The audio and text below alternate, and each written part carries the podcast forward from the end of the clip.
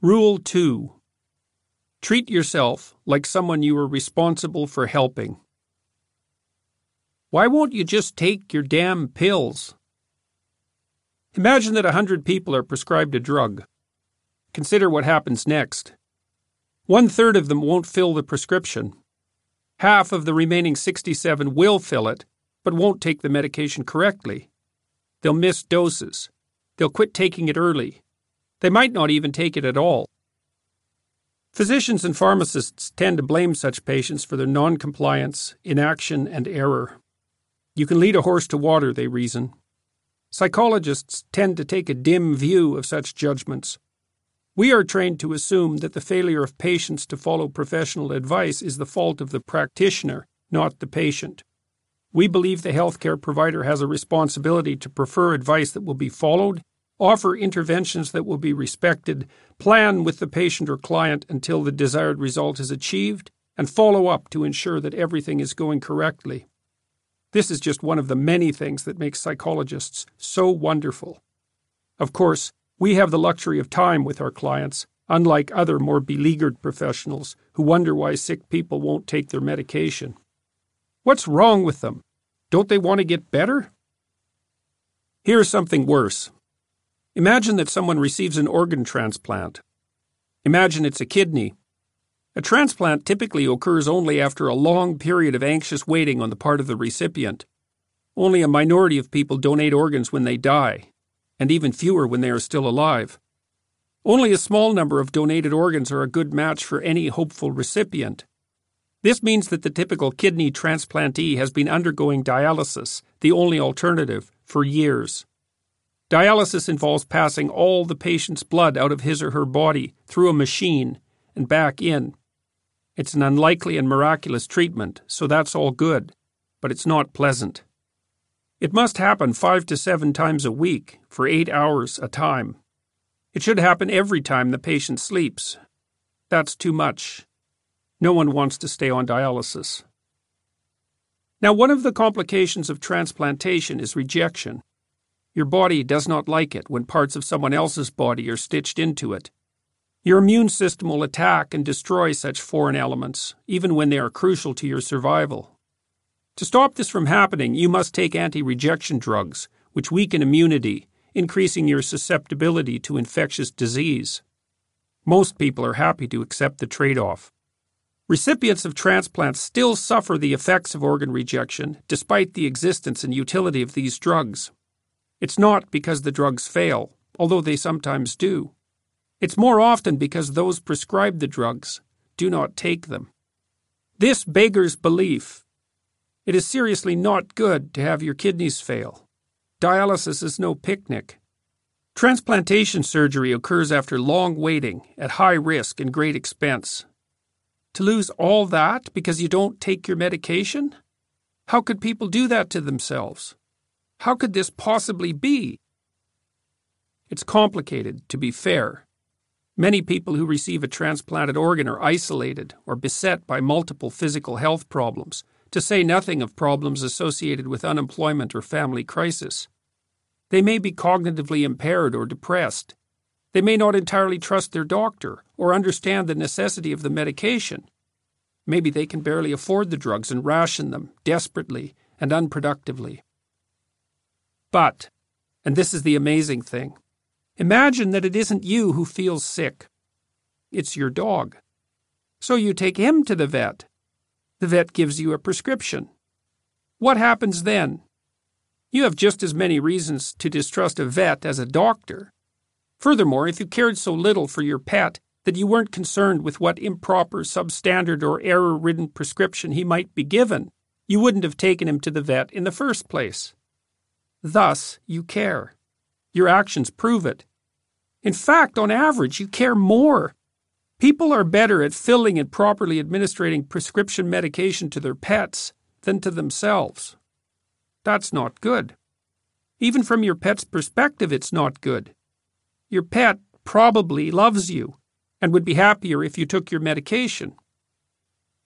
It is difficult to conclude anything from this set of facts, except that people appear to love their dogs, cats, ferrets, and birds and maybe even their lizards, more than themselves. How horrible is that? How much shame must exist for something like that to be true? What could it be about people that makes them prefer their pets to themselves?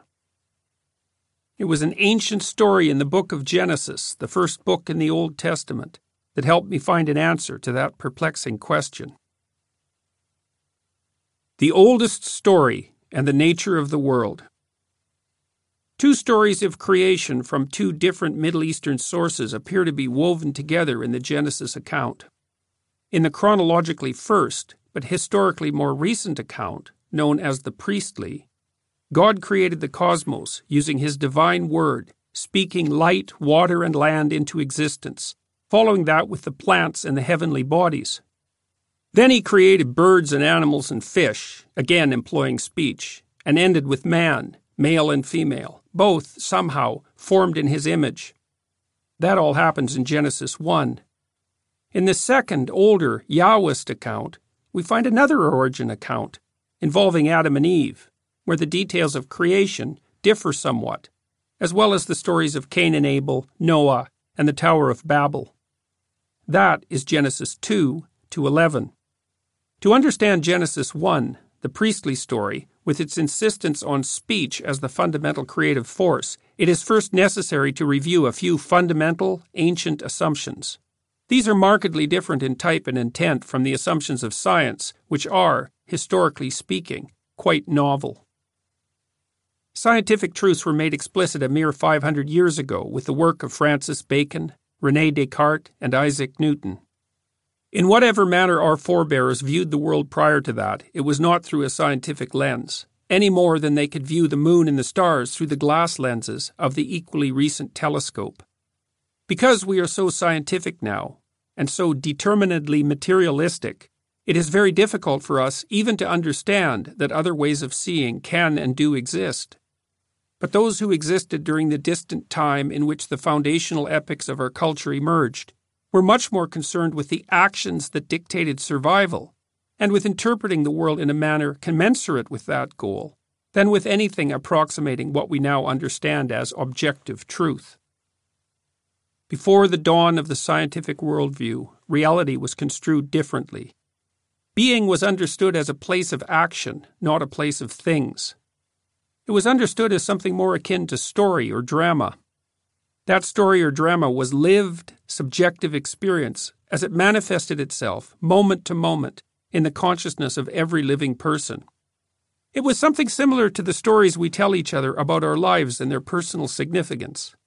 Something similar to the happenings that novelists describe when they capture existence in the pages of their books. Subjective experience. That includes familiar objects such as trees and clouds, primarily objective in their existence but also, and more importantly, such things as emotions and dreams, as well as hunger, thirst, and pain. It is such things, experienced personally, that are the most fundamental elements of human life from the archaic, dramatic perspective, and they are not easily reducible to the detached and objective, even by the modern reductionist materialist mind. Take pain, for example, subjective pain. That's something so real no argument can stand against it. Everyone acts as if their pain is real, ultimately, finally real. Pain matters, more than matter matters. It is for this reason, I believe, that so many of the world's traditions regard the suffering attendant upon existence as the irreducible truth of being.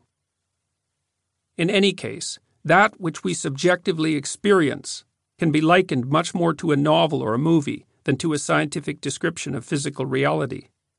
It is the drama of lived experience, the unique, tragic, personal death of your father compared to the objective death listed in the hospital records, the pain of your first love, the despair of dashed hopes, the joy attendant upon a child's success.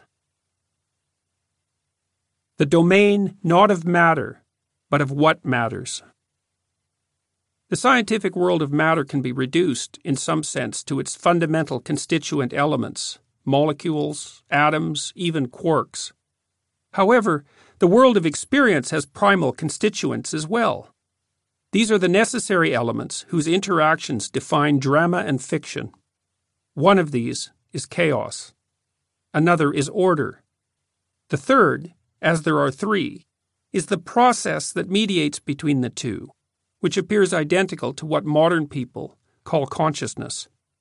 It is our eternal subjugation to the first two that makes us doubt the validity of existence, that makes us throw up our hands in despair and fail to care for ourselves properly. It is proper understanding of the third that allows us the only real way out. Chaos is the domain of ignorance itself, its unexplored territory. Chaos is what extends, eternally and without limit, beyond the boundaries of all states, all ideas, and all disciplines.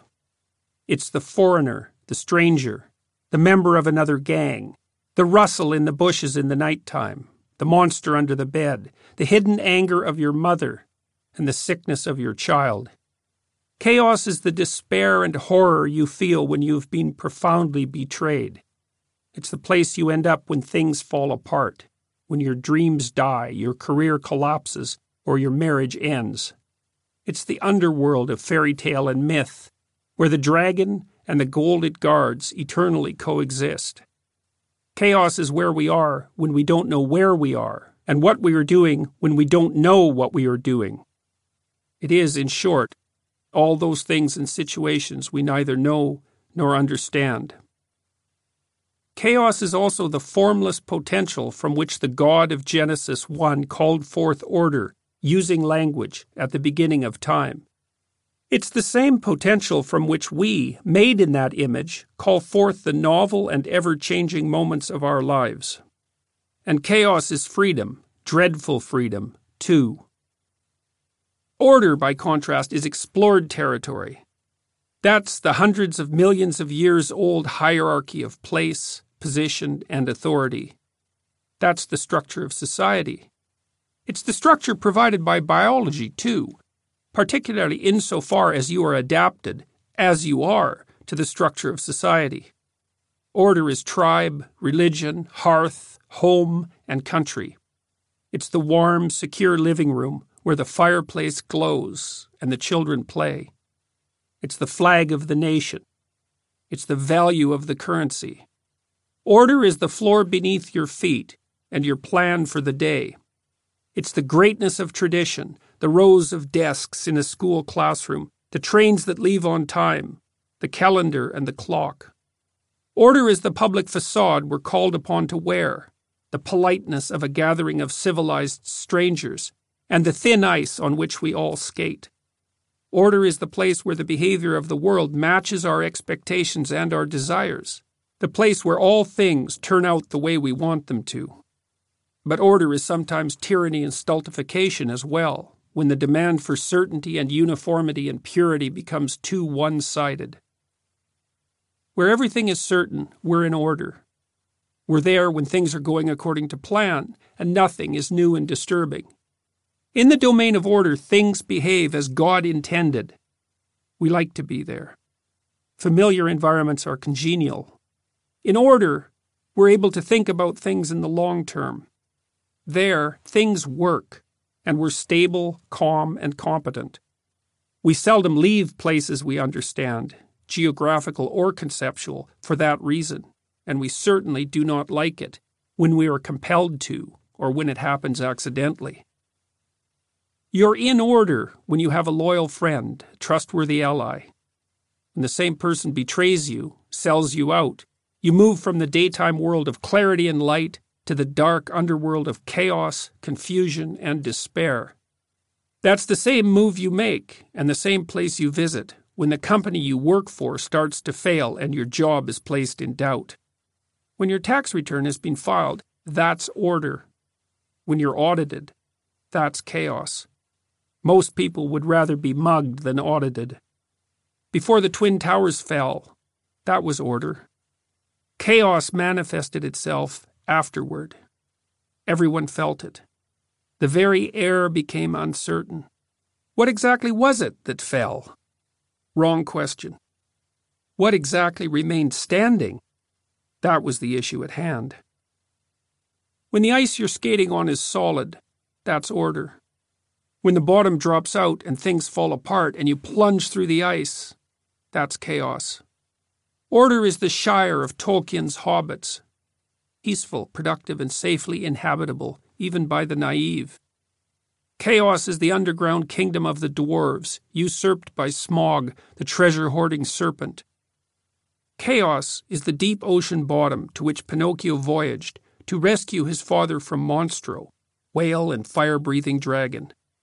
That journey into darkness and rescue is the most difficult thing a puppet must do if he wants to be real, if he wants to extract himself from the temptations of deceit and acting and victimization and impulsive pleasure and totalitarian subjugation, if he wants to take his place as a genuine being in the world.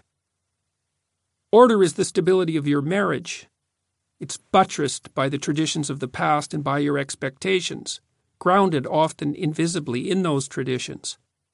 Chaos is that stability crumbling under your feet when you discover your partner's infidelity. Chaos is the experience of reeling unbound and unsupported through space when your guiding routines and traditions collapse.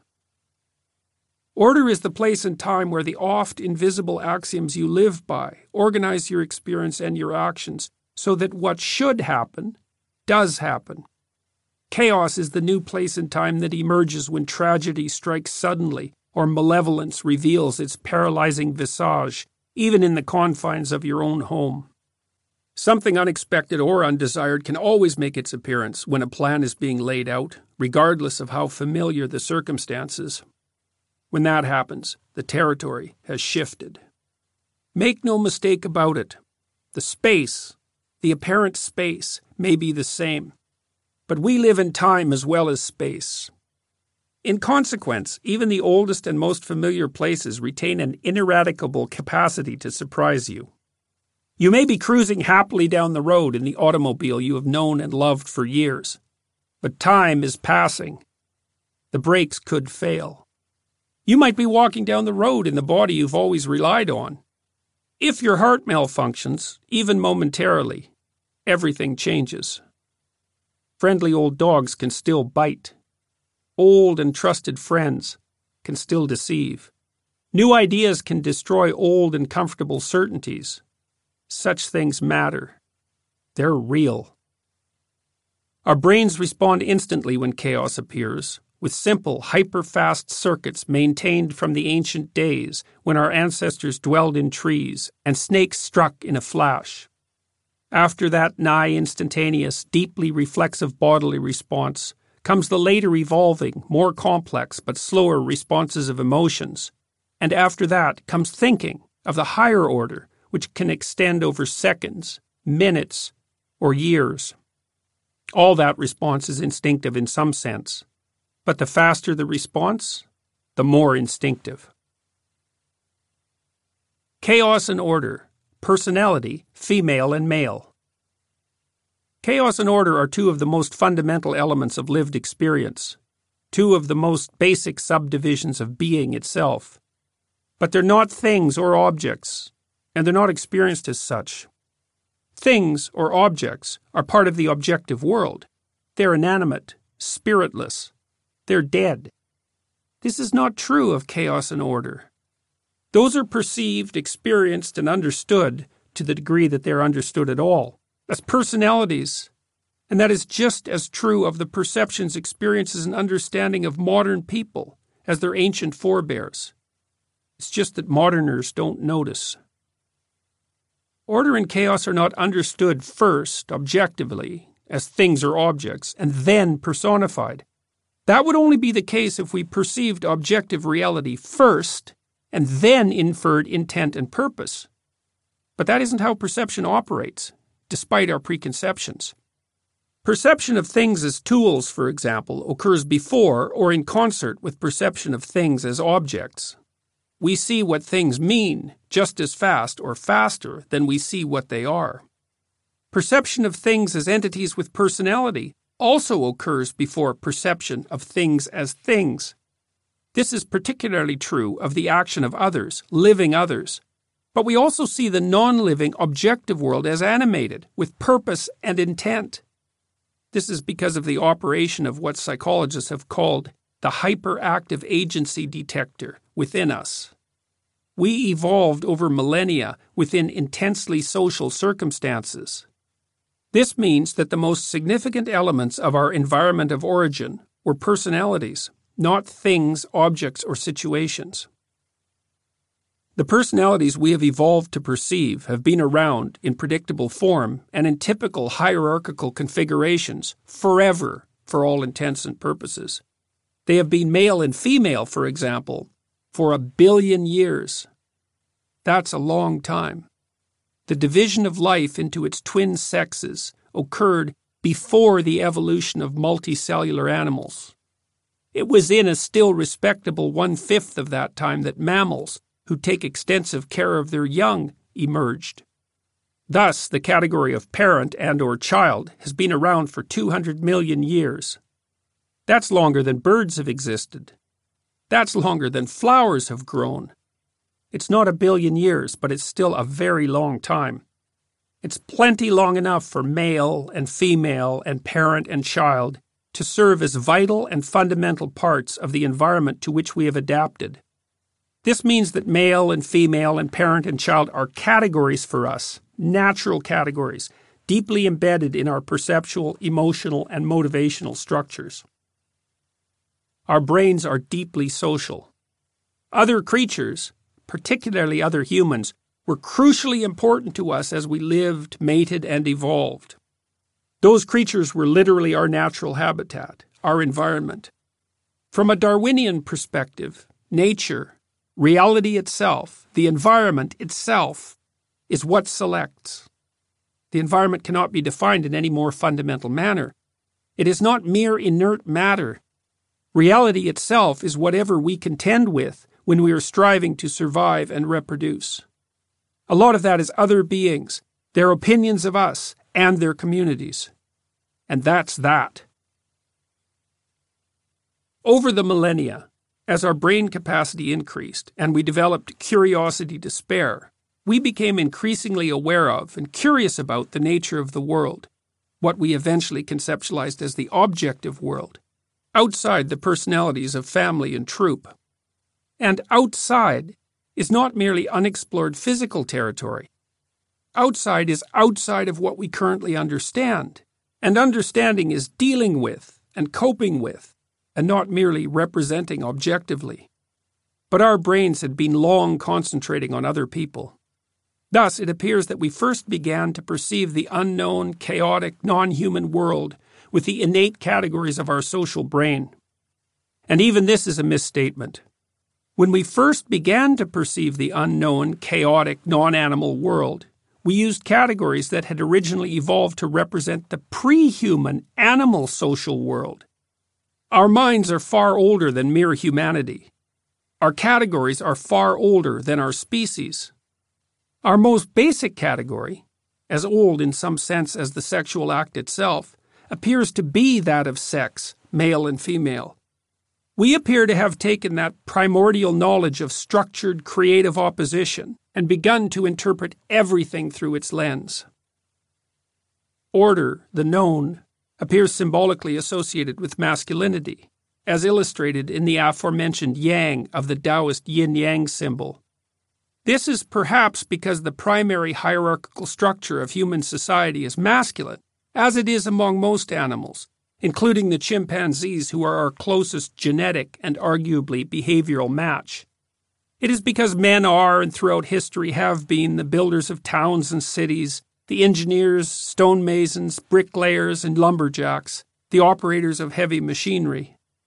Order is God the Father, the eternal judge, ledger keeper, and dispenser of rewards and punishments. Order is the peacetime army of policemen and soldiers. It's the political culture, the corporate environment, and the system. It's the they in, you know what they say. It's credit cards, classrooms, supermarket checkout lineups, turn taking, traffic lights, and the familiar routes of daily commuters. Order, when pushed too far, when imbalanced, can also manifest itself destructively and terribly. It does so as the forced migration, the concentration camp, and the soul devouring uniformity of the goose step. Chaos, the unknown, is symbolically associated with the feminine. This is partly because all the things we have come to know were born originally of the unknown, just as all beings we encounter were born of mothers. Chaos is mater, origin, source, mother, materia, the substance from which all things are made. It is also what matters, or what is the matter, the very subject matter of thought and communication. In its positive guise, chaos is possibility itself, the source of ideas, the mysterious realm of gestation and birth. As a negative force, it's the impenetrable darkness of a cave and the accident by the side of the road.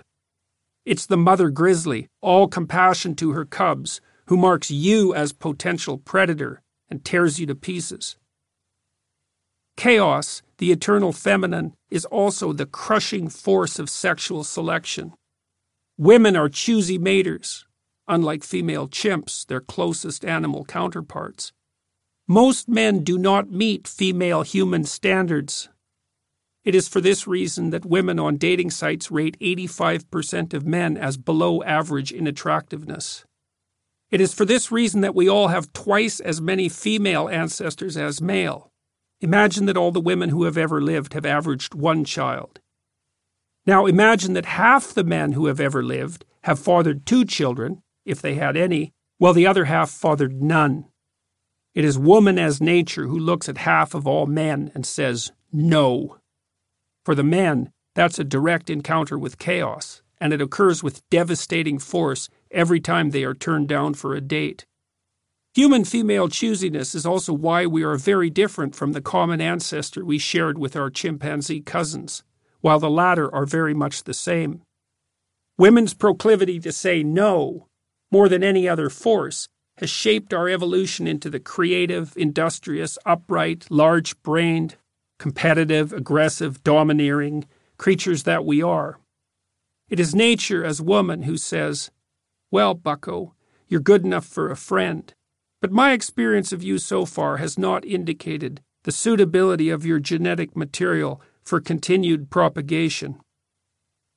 The most profound religious symbols rely for their power in large part on this underlying fundamentally bipartisan conceptual subdivision.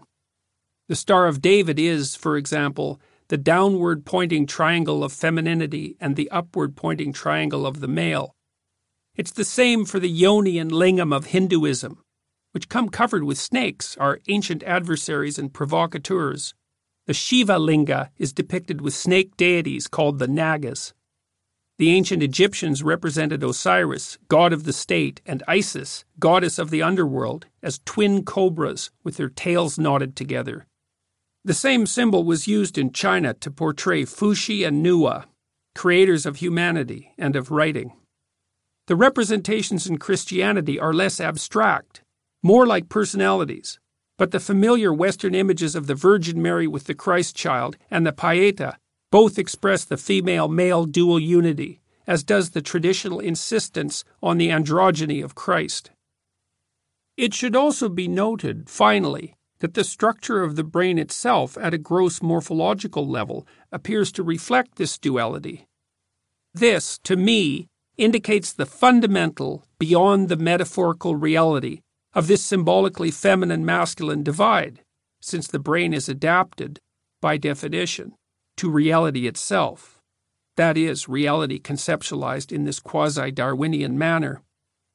Elkhonon Goldberg, student of the great Russian neuropsychologist Alexander Luria, has proposed quite lucidly and directly that the very hemispheric structure of the cortex reflects the fundamental division between novelty, the unknown or chaos, and routinization, the known, order.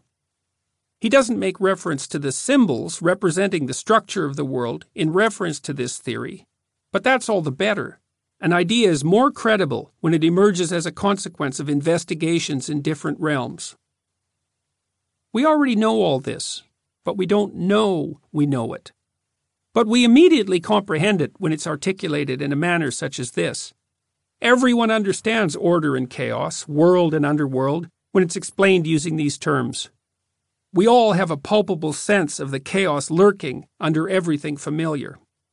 That's why we understand the strange, surreal stories of Pinocchio and Sleeping Beauty and The Lion King and The Little Mermaid and Beauty and the Beast, with their eternal landscapes of known and unknown, world and underworld. We've all been in both places many times, sometimes by happenstance, sometimes by choice.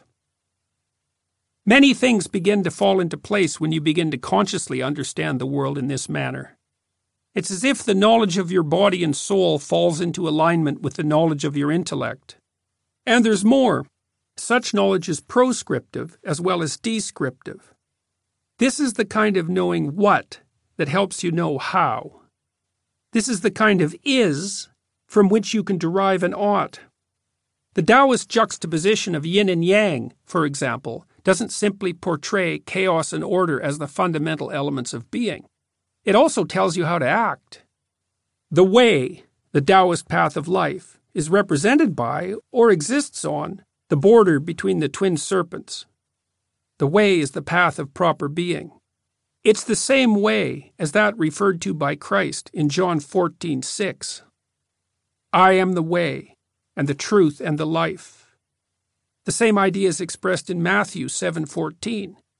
Because strait is the gate and narrow is the way which leadeth unto life, and few there be that find it. We eternally inhabit order surrounded by chaos. We eternally occupy known territory, surrounded by the unknown. We experience meaningful engagement when we mediate appropriately between them. We are adapted in the deepest Darwinian sense not to the world of objects, but to the meta realities of order and chaos, yang and yin. Chaos and order make up the eternal, transcendent environment of the living. To straddle that fundamental duality is to be balanced, to have one foot firmly planted in order and security, and the other in chaos, possibility, growth, and adventure. When life suddenly reveals itself as intense, gripping, and meaningful, when time passes and you're so engrossed in what you're doing you don't notice, it is there and then that you are located precisely on the border between order and chaos. The subjective meaning that we encounter there is the reaction of our deepest being, our neurologically and evolutionarily grounded instinctive self, indicating that we are ensuring the stability but also the expansion of habitable, productive territory, of space that is personal, social, and natural. It's the right place to be in every sense. You are there when and where it matters. That's what music is telling you, too, when you're listening. Even more, perhaps, when you're dancing, when its harmonious, layered patterns of predictability and unpredictability make meaning itself well up from the most profound depths of your being. Chaos and order are fundamental elements because every lived situation, even every conceivable lived situation, is made up of both. No matter where we are, there are some things we can identify, make use of, and predict and some things we neither know nor understand. No matter who we are Kalahari desert dweller or Wall Street banker some things are under our control and some things are not. That's why both can understand the same stories and dwell within the confines of the same eternal truths. Finally, the fundamental reality of chaos and order is true for everything alive, not only for us. Living things are always to be found in places they can master, surrounded by things and situations that make them vulnerable. Order is not enough. You can't just be stable and secure and unchanging, because there are still vital and important new things to be learned. Nonetheless, chaos can be too much. You can't long tolerate being swamped and overwhelmed beyond your capacity to cope while you are learning what you still need to know. Thus, you need to place one foot in what you have mastered and understood, and the other in what you are currently exploring and mastering. Then you have positioned yourself where the terror of existence is under control and you are secure, but where you are also alert and engaged. That is where there is something new to master and some way that you can be improved. That is where meaning is to be found. The Garden of Eden Remember, as discussed earlier, that the Genesis stories were amalgamated from several sources. After the newer priestly story, Genesis 1, recounting the emergence of order from chaos, comes the second, even more ancient, Yahwist part, beginning essentially with Genesis 2. The Yahwist account, which uses the name YHWH or Yahweh to represent God, contains the story of Adam and Eve, along with a much fuller explication of the events of the sixth day alluded to in the previous priestly story. The continuity between the stories appears to be the result of careful editing by the person or persons known singly to biblical scholars as the redactor, who wove the stories together. This may have occurred when the peoples of two traditions united for one reason or another, and the subsequent illogic of their melded stories, growing together over time in an ungainly fashion, bothered someone conscious, courageous, and obsessed with coherence. According to the Yahwist creation story, God first created a bounded space known as Eden, which in Aramaic, Jesus' putative language, means well watered place, or paradise, Paradisa in Old Iranian or Avestan, which means walled or protected enclosure or garden. God placed Adam in there, along with all manner of fruit bearing trees, two of which were marked out. One of these was the tree of life, the other, the tree of knowledge of good and evil. God then told Adam to have his fill of fruit as he wished, but added that the fruit of the tree of the knowledge of good and evil was forbidden. After that, he created Eve as a partner for Adam. Adam and Eve don't seem very conscious at the beginning when they are first placed in paradise, and they were certainly not self conscious. As the story insists, the original parents were naked, but not ashamed. Such phrasing implies first that it's perfectly natural and normal for people to be ashamed of their nakedness, otherwise, nothing would have to be said about its absence. And second, that there was something amiss, for better or worse, with our first parents. Although there are exceptions, the only people around now who would be unashamed if suddenly dropped naked into a public place, excepting the odd exhibitionist, are those younger than three years of age. In fact, a common nightmare involves the sudden appearance of the dreamer naked on a stage in front of a packed house. In the third verse of Genesis, a serpent appears, first apparently in legged form, God only knows why he allowed or placed such a creature in the garden. I've long puzzled over the meaning of this. It seems to be a reflection, in part, of the order chaos dichotomy characterizing all of experience, with paradise serving as habitable order, and the serpent playing the role of chaos. The serpent in Eden therefore means the same thing as the black dot in the yin side of the Taoist yin yang symbol of totality.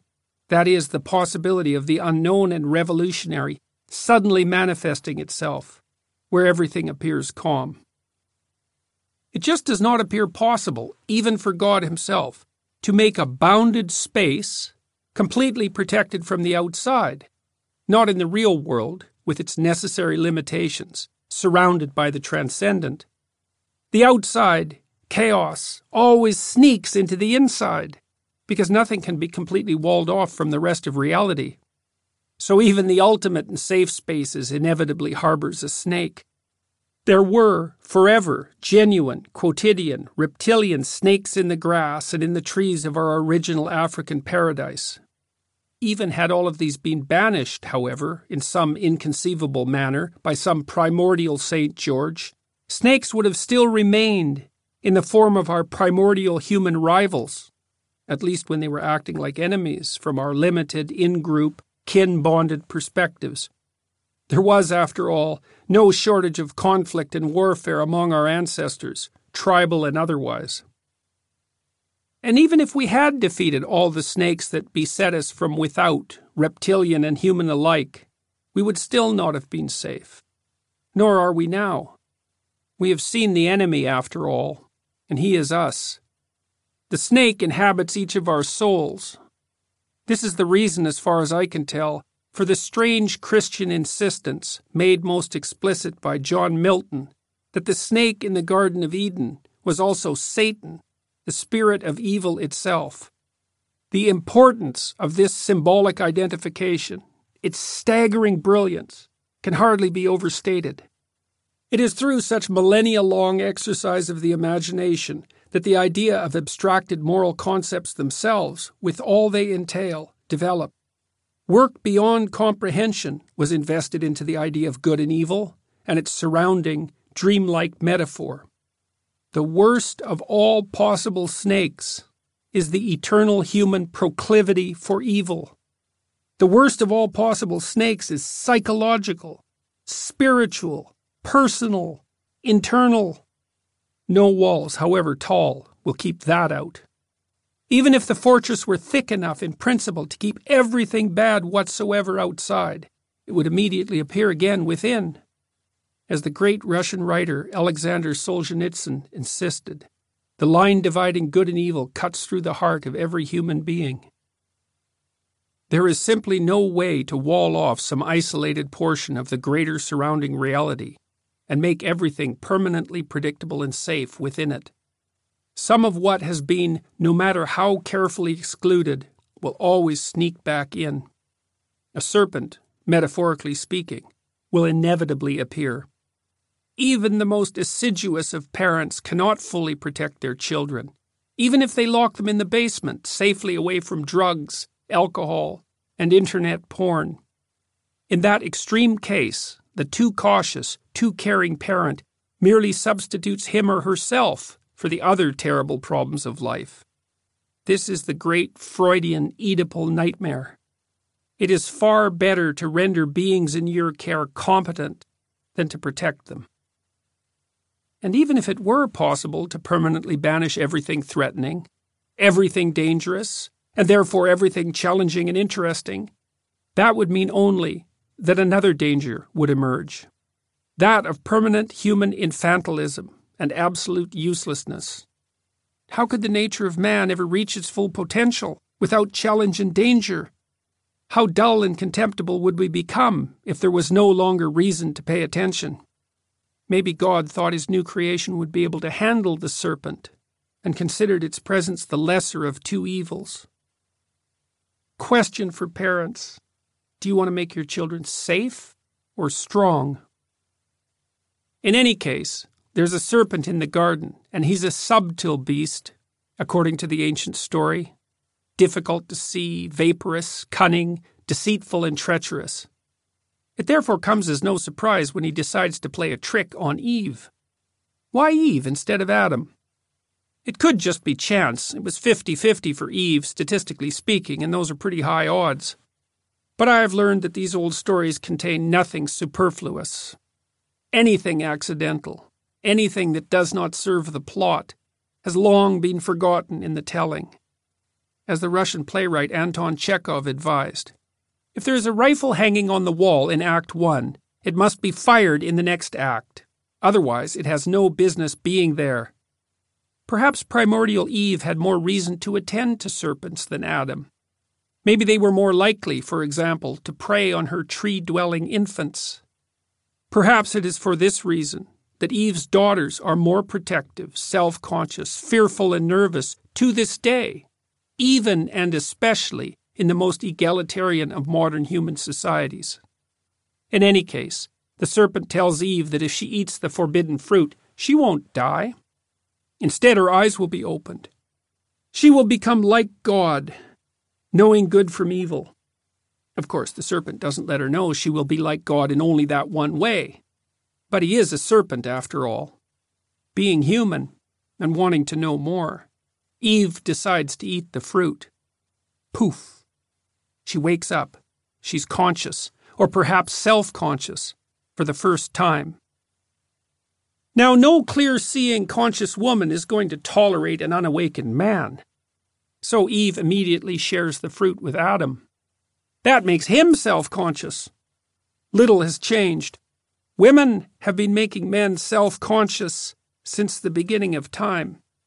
They do this primarily by rejecting them, but they also do it by shaming them if men do not take responsibility. Since women bear the primary burden of reproduction, it's no wonder. It's very hard to see how it could be otherwise. But the capacity of women to shame men and render them self conscious is still a primal force of nature. Now you may ask, what in the world have snakes got to do with vision? Well, first, it's clearly of some importance to see them, because they might prey on you, particularly when you're little and live in trees, like our arboreal ancestors.